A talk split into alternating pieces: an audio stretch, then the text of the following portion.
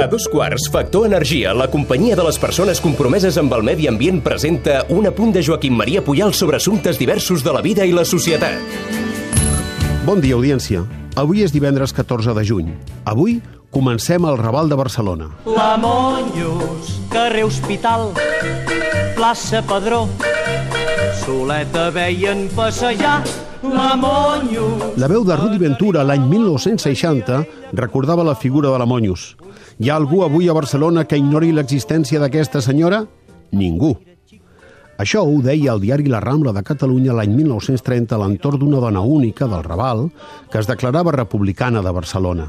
Era lliure, vestia com volia i es feia un monyo que va reblar la popularitat del seu personatge. Famosíssima. Avui, 90 anys més tard, la coneix molt poca gent. És la vida. I qui vulgui, que n'aprengui. Quan vaig al Raval de Barcelona, a l'IEC o a dinar a Cal Isidre o a Can Lluís, per exemple, m'agrada passejar a peu per aquells carrers. Per anar de la plaça del Padró al carrer de la Cera, cal agafar el carrer d'en Botella. Si ens hi fixem, el número 11, veurem una placa que diu que en aquella casa va néixer Manuel Vázquez Montalbán, escriptor i periodista, el 14 de juny de 1936. El Manolo, que és com el coneixia molta gent més o menys pròxima, va néixer, doncs, tal dia com avui, ja fa 83 anys.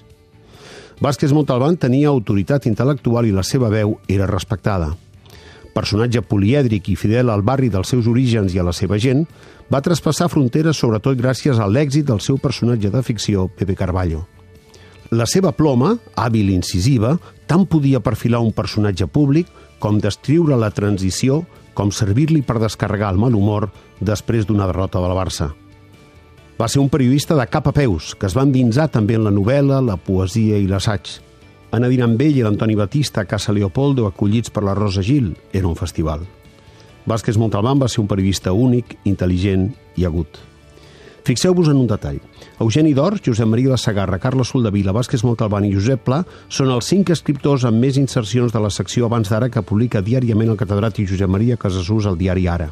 Hi ha dades que parlen soles, i aquestes en remeten als periodistes que al llarg de la història recent han deixat més petjada gràcies a uns escrits que ara són reproduïts en un aparador prestigiós, el del doctor Casasús. Segons explica aquest reconegut investigador, en tota la història del nostre periodisme, cap articulista ha escrit més col·laboracions en la premsa diària que Josep Maria Espinàs, un altre històric. Fa 43 anys que s'hi dedica. Va començar l'any 1976 a l'Avui i encara continua ara a les pàgines del periòdico. I per molts anys més.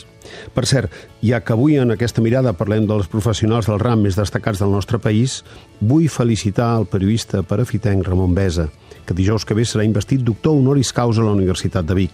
En Besa és també un dels grans, i em fa il·lusió dir-ho aquí i ara. Ell dignifica aquest ofici tantes vegades maltractat, i estant com està en la plenitud professional, només cal encoratjar-lo a continuar al peu del canó. Jo sé que no li cal, però des d'aquí, amb afecte sincer, li envio l'estímul de l'agraïment de tants lectors i companys. La mirada d'en Puyal és una exclusiva de Factor Energia. En Manu, el Minimans, manis pels amics, no, ha contractat la llum a Factor Energia i no, No. s'estalvia un 12,5%. Manu, contracteu tots la llum. A factorenergia.cat i no farem més anuncis. Per fi hi ha una altra llum. Factor Energia. Empresa col·laboradora amb la Barcelona Equestrian Challenge.